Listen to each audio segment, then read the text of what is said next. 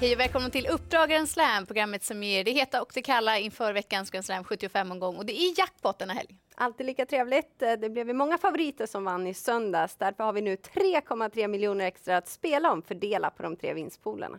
Och omgången ser lite klurigare ut på förhand. Men först tar vi och granskar veckans bana och det är Sovalla som gäller.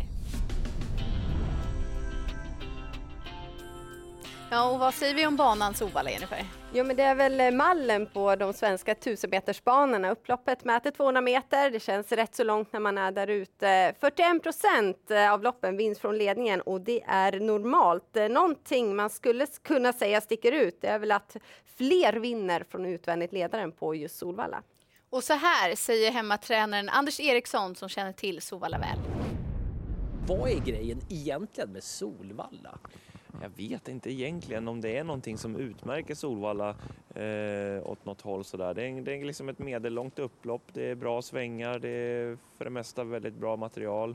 Eh, det är fina hästar som tävlar där. Det, det skulle väl vara det då, att det, det, är ofta väldigt bra tävlingar på Solvalla. Men, men bana, liksom själva ovalen är ju inte, utmärker sig inte på något sätt.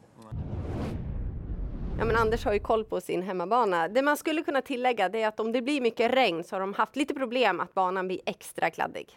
Och nu går vi vidare till veckans heta.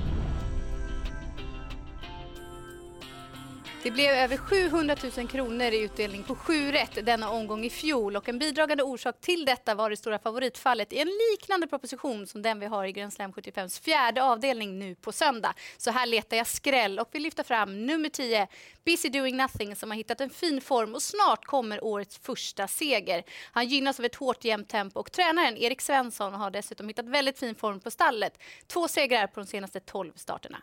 Ja, det är bra, men den tränare som har bäst form på stallet, det måste ju ändå vara Katja Melko som på de 12 senaste starterna har tagit sju segrar. Hon har en häst i start på Grand Slam 75 och det är sju Typhoon Face i den tredje avdelningen. Han gick bra bakom en så bra häst som Maestro Crow senast och är given att ta med. Jag letar skräll även i den sjätte avdelningen och vill lyfta fram nummer sex, Graces Candy, som har bättre form än vad raden ger sken av. Tog en kort startgalopp senast, men fullföljde sen godkänt i ett British Crown-försök. Hon kommer vara klart vassare med det här loppet i kroppen. Och så Jörgen Westholm från springspår. Ja, det är ju alltid väldigt intressant. Mm, han är vass därifrån. Och vi pratar mycket om hårdhet och att det väger tungt. Om man tar det i sista avdelningen, då borde ju tuffast i fältet vara 13 Sarent Fast som har visat tidigare att han klarar voltstart. Och han kommer från seger, så formen är god. Och vår sista heta hittar vi i veckans profil.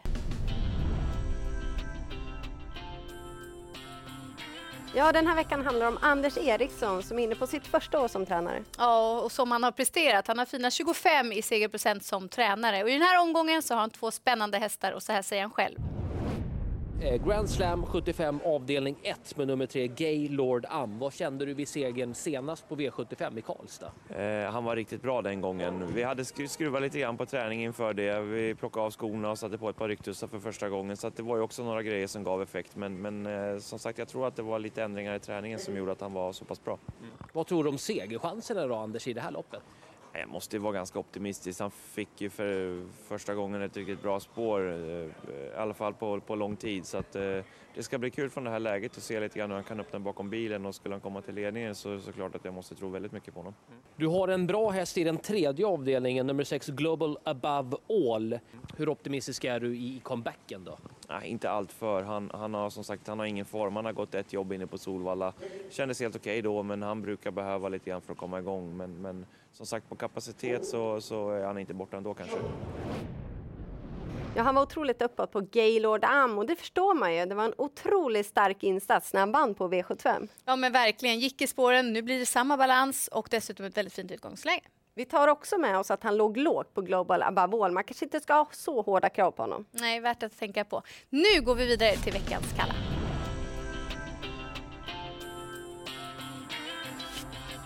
Vi börjar i den sjätte avdelningen med nummer tre Karisma Boko som har gjort allt rätt hittills i karriären och är obesegrad efter fem starter. Men nu är motståndet tuffare. Hon möter konkurrenter som har en hel annan hårdhet än vad hon själv har. Och jag tror inte att de får något gratis denna gång, så det är tufft att göra henne till för stor favorit.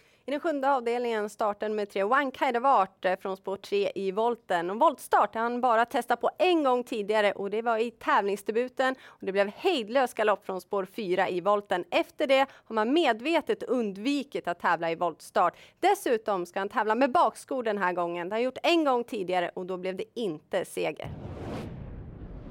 Dags att runda av programmet och då får man bara välja en häst, Jennifer. Och tränare Katja Melko, hon har en otroligt bra stallform och i tredje avdelningen då har hon ju sju Typhoon Face till start. Och jag lyfter fram Jörgen Westholm från springspår i den sjätte avdelningen med sin nummer sex, Graces Candy. 3,3 miljoner i jackpot. Så ta chansen. Stort lycka till med Grand Slam 75.